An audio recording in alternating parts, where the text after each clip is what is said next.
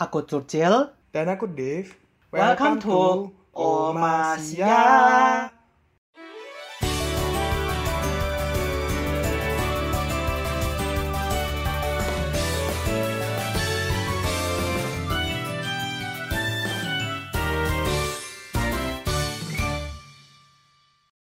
Halo OMG Friend, apa kabar dunia?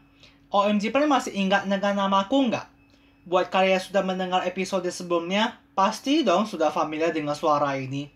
Kalau begitu, aku mau coba kalian tebak dulu deh, siapa sih nama orang yang sedang ngomong ini? Sesuai dengan peribahasa, tak kenal maka tak sayang. Nah, kalau begitu, aku tunggu satu menit ya. Woi, satu menit tuh lama banget loh. Podcastnya keburu selesai nanti. Jadi, daripada nunggu sampai satu menit, aku langsung kasih tahu aja deh kalau yang tadi ngomong tuh Calvin Churchill ya, Om Pren. Yang suaranya jelek banget tuh kayak suara burung pipit. Nah, kalau yang tadi ngomong itu Churchill, Om Jipren tahu dong sekarang yang ngomong siapa? Coba ingat-ingat. Aku kasih waktu 2 menit ya untuk bisa nebak. Yang bisa nebak dapat sepeda nih. Buset, Dev. Aku cuma minta satu menit diomelin. Lo malah minta dua menit. Mau dihujat masal ya lo? Aduh, kamu kok nyebut nama aku duluan sih? Kan Om Jipren yang udah tahu namaku siapa? ya, sorry ya, Dev. Tapi emang sengaja kok tadi biar nggak lama-lamain gitu loh. Ih, dasar. Ya udah, Dev. Dari tadi kita suruh OMG Friend nembak nama kita terus. Padahal di episode kali ini ada bintang tamunya loh. Nah, pasti OMG Friend lebih penasaran nih siapa bintang tamu hari ini. Pasti dong, tapi sebelumnya kita kasih tahu namanya. Kayaknya lebih seru kalau kita kasih petunjuk terlebih dahulu deh. Katanya sih, dia pernah tinggal di Indonesia. Berarti sekarang nggak tinggal di Indonesia dong. Nah, aku akan memberikan satu petunjuk untuk tebak tempat tinggal selanjutnya. Dengarkan baik-baik ya Om Jipren.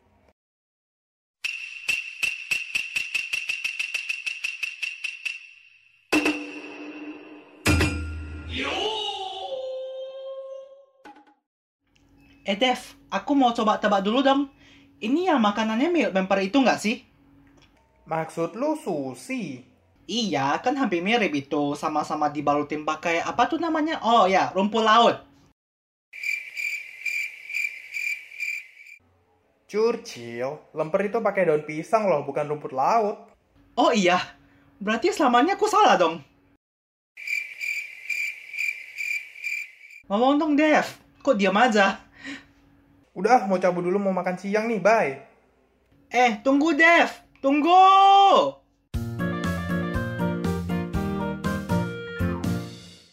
Oke Om Jipren, balik lagi sama aku Dave. Oh ya, ngomong-ngomong, tadi aku belum kasih tahu jawabannya ya. Bintang tamu kita hari ini adalah Shinichi Soji, seorang warga Jepang yang dulunya pernah menetap di Indonesia. Jadi namaku Shinichi Soji. Jadi di pang- panggilannya Shinichi. Hmm. Eh, biasa juga dipanggil Shin juga bisa. Eh, terus sekarang lagi nggak kuliah tapi lagi apa, sekolah bahasa di sini di Jepang. Hmm. Umurku sekarang 20 tahun. Kalau mendengarkan namanya, memang kelihatannya terdengar seperti orang Jepang sih. Mirip seperti salah satu karakter di komik apa ya yang terkenal tuh ya? Eh, detektif eh, apa gitu gue lupa. Ah lupa namanya apa? Aduh. Oh, aku tahu. Itu judul komiknya. Biarkan Om Jipren aja yang nebak, biar makin penasaran. Aduh, lu jahat banget sih, Dev. Tapi ya sudah, nanti OMG Friend yang cari tahu sendiri aja ya. Daripada kita dengerin basa-basi dari Dev terus, mending kita langsung cari tahu aja deh. Seperti apa sih perjalanan Shinichi dari Indonesia ke Jepang? Eh, jadi pas TK, eh, sebenarnya sebelum TK kan eh, ada lagi kan. Itu sebenarnya Hmm. di Indo dulu. Pas umur tiga tahun tuh di Indo sebentar Hmm. kan. Terus karena eh, papaku kerja di kerja di Jepang, jadi Hmm. eh, ibuku kayak, oh kita pindah aja ke Jepang, ya kan. Jadi mulailah TK umur 4-5 tahun di, di Jepang. Terus eh, berhubung orang tua eh, ibuku masih di Indonesia, jadi ibuku kayak, oh kita buka buka buka usaha aja di Indonesia kan sama apa sama papaku gitu. eh, jadi ya pas udah mau SD barulah pindah ke Indonesia sampai sampai SMA Eh, usahanya lanjut terus gitu. Hmm. Buka Jadi usaha eh, pas di Indonesia. Eh, usaha apa tuh apa motor spare part motor spare Hmm. motor jual-jual spare part motor gitu lah. Hmm, Oke. Terus Haris. pas kan eh, ekonomi Indonesia udah mulai eh, udah mulai turun, udah mulai nggak bagus. Hmm. Nah, pas masa-masa SMA gitu kan. Jadi kayak mm, biar main aman, pi- pindah balik ke Jepang karena Hmm. apa di sini hidupnya lebih apa eh, nggak nggak terlalu uangnya nggak terlalu apa gitu nggak terlalu Ah, pengeluarannya nggak dipermasalahkan terlalu, ya, pengeluarannya Iya, nggak terlalu, pengeluarannya nggak terlalu- Indonesia. nggak terlalu sedikit dibandingkan di Indonesia kan jadi ya, Hmm. ya gitulah Oke, jadi sebenarnya karena permasalahan ekonomi aja makanya lu pindah ke Jepang atau ada alasan lain? setauku sih eh sebenarnya kalau nggak nggak ada masalah ekonomi juga aku bakal dipindah ke Jepang juga cuma orang tua aku nggak ikut aja cuma karena masalah Hmm. ekonomi orang tua aku juga ikut pindah ke sini ke Jepang Oke, berarti eh, habis SMA lu udah apa ya, kayak udah fix oh aku nanti mau lanjut di Jepang. udah fix hmm, Oke. hmm ya Kenapa nggak mau tinggal di Indonesia? Oh, kenal gitu. Eh, kok gimana ya kalau aku merasa kayak masa depan di Jepang lebih gimana ya lebih lebih aman cerah. gitu lah Lebih aman. lebih ya soalnya ya balik ke masalah ekonomi lagi kan Oh, jadi karena masalah ekonomi, Shinichi dan keluarganya memilih untuk tinggal di Jepang. Walaupun bukan karena masalah ekonomi, Shinichi sudah berencana untuk melanjutkan kehidupannya di Jepang. Ngomong-ngomong soal kehidupan di Jepang, kira-kira Shinichi mengalami perbedaan drastis gak ya? Mari kita simak penjelasan dia.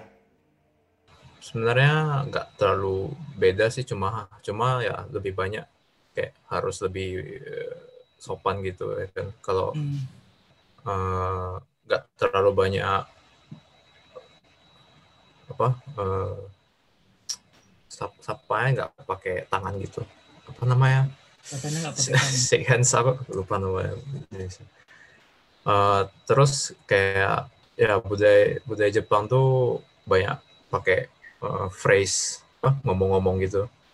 Jadi Hmm. itu juga harus di banyak dipelajari juga.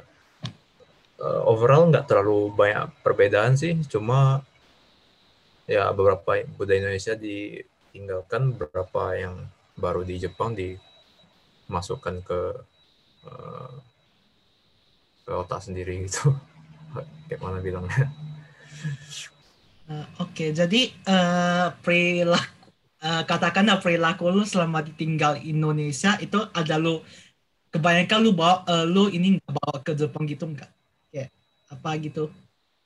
oh kalau kalau gituan sih sebisa mungkin ya aku kayak selalu sebisa mungkin nampak kayak orang Jepang gitu Eh, Jadi kalau kalau ya. ada komplikasi kayak eh, kayak di mana gitu, kayak di mana gitu kan lagi di mana, terus kayak nggak tahu mau ngapain gitu, cari di internet harus ngapain kalau kayak gini-gini gitu. hmm, Jadi sebisa mungkin eh, ya stick to the culture gitu, hmm. kayak orang Jepang gitu. Oke, contohnya apa aja tuh yang kayak nggak boleh nggak boleh lu, lu kayak lu harus jadi orang Jepang gitu. Contohnya apa? Eh, contohnya kayak di apa di tukang pangkas Hmm. eh, tukang pangkas rambut terus kalau misalnya pas tuh kok salah ada kerja part time juga ada protokolnya juga itu Hmm. juga eh, kayak aku pelajari dulu di internet kayak mana harus gimana gimana aja kalau ketemu orang kalau kalau kayak di part time tuh ketemu orang gimana kalau udah siap kerja tuh gimana gitu gitu Hmm. Emang kayak gimana tuh? Eh, kalau misalnya di tempat kerja walaupun pagi atau malam gitu kan biasa kan bilangnya sama malam atau sama pagi gitu tergantung waktu kan tapi Hmm. kalau di sini eh, walaupun malam kau tetap bilang selamat pagi. Karena baru pertama kali ketemu di eh, untuk hari itu kan jadi ya Hmm. itu salah satunya. Terus kalau di tukang pangkas itu kayak ada kata-kata tertentu kayak eh, yang nggak biasa dicakap di percakapan sehari-hari gitu loh. Jadi eh, misalnya mau kayak gini harus bilangnya ya kayak gini gitu, gitu. Oke, coba sebutin dong pakai bahasa Jepang kata-katanya. Ini menarik deh kayaknya. Kayak, ya. Coba, coba, coba. contohnya ya yang tadi aku bilang eh, kerja part time pas malam Hmm. eh, ohayo gozaimasu Ayo, gozaimasu. itu artinya selamat pagi Hmm. Eh, biasa tapi biasanya biasanya orang kira kayak kalau malam kan konbanwa Pembawa, konbanwa itu artinya selamat malam ya. Ya. Hmm. tapi karena ketemu untuk hari itu bilangnya ohayo gozaimasu Hmm. terus di di tukang pangkas itu contohnya gimana ya eh,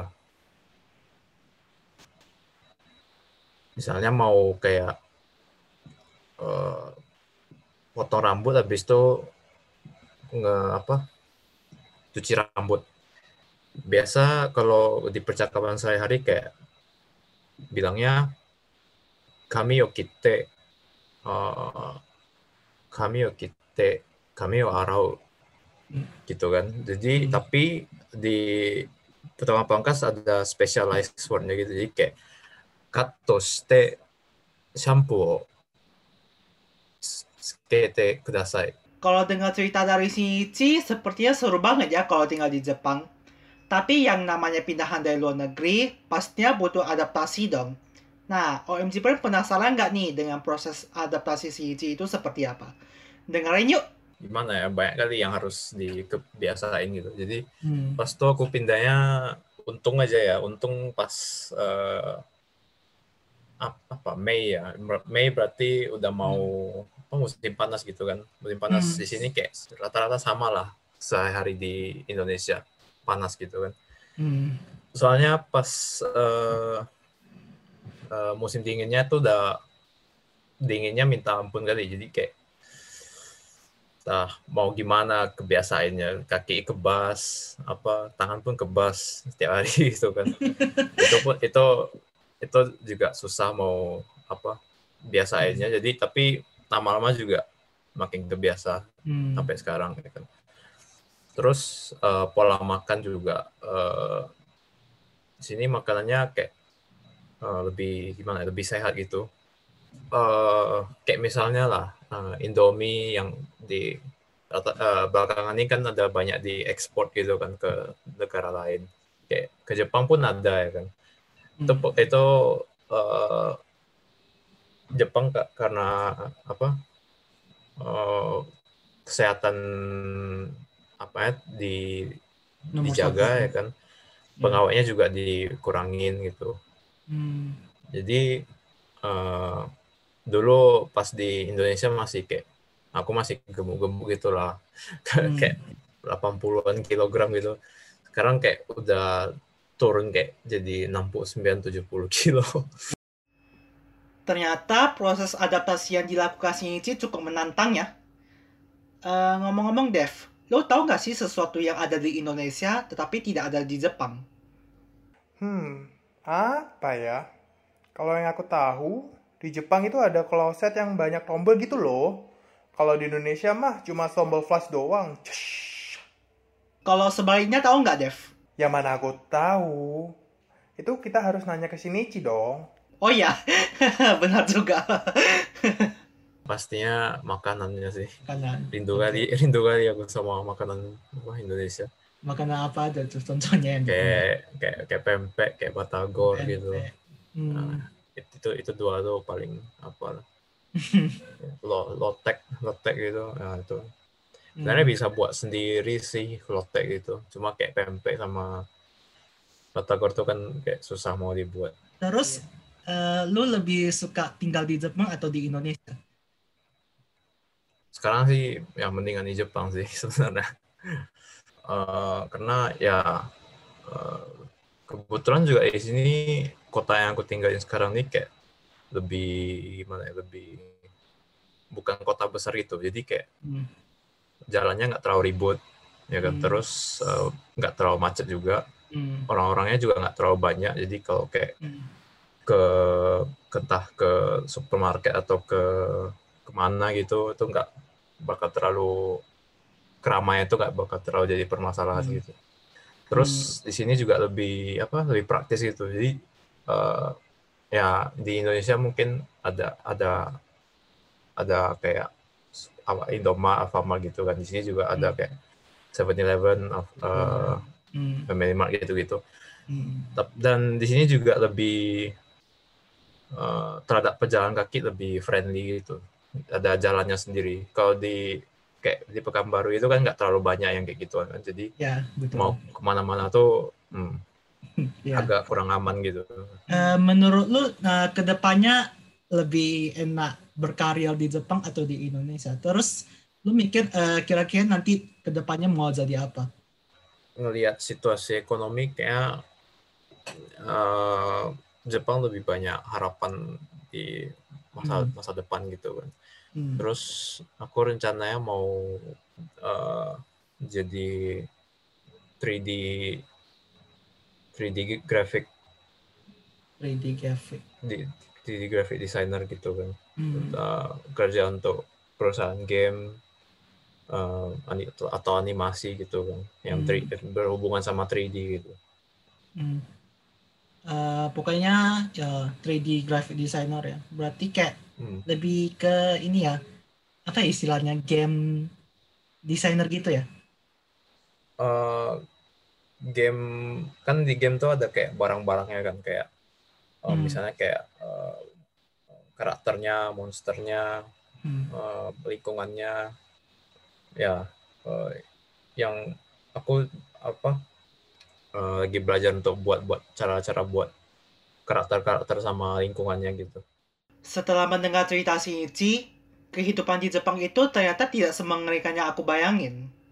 Emang yang lu bayangin seperti apa? Aku bayangin sih dari bahasanya, karena menurutku bahasa Jepang itu cukup sulit. Menurutku juga sulit sih. Tapi kalau Shinichi bisa, harusnya lu bisa juga dong. Katanya sekarang lu lagi belajar bahasa Jepang kan? Iya, awalnya aku pesimis, tapi sekarang aku jadi optimis berkat cerita dari Shinichi. Nah, gitu dong. Harus optimis. Eh, Cil. Aku lapar nih. Temen cari makan yuk. Loh, kan tadi lo barusan udah makan, masih mau makan lagi? Masih lapar, kurang nih. Aduh, ya udah. Tapi sebelum pamit, aku mau tanya ke OMG Friend nih. Kalau episode kali ini ngomongin tentang kehidupan di Jepang, hmm, kira-kira episode selanjutnya bakal membahas kehidupan di negara apa lagi ya? Di episode selanjutnya, kita bakal membahas kehidupan di... Kan lu suka bawa OMGP penasaran, Dev. Jadi suruh mereka aja yang nebak. Ah, iya, iya. Jadi suruh mereka aja yang debak ya. Nah, gitu dong, Dev. Biar OMGP makin penasaran. Ya enggak, ya enggak, ya enggak. Bener juga, kalau OMG Friend mau tahu jawabannya, tetap dengerin podcast kami bersama aku Dave. Dan aku Cucil di Omasia.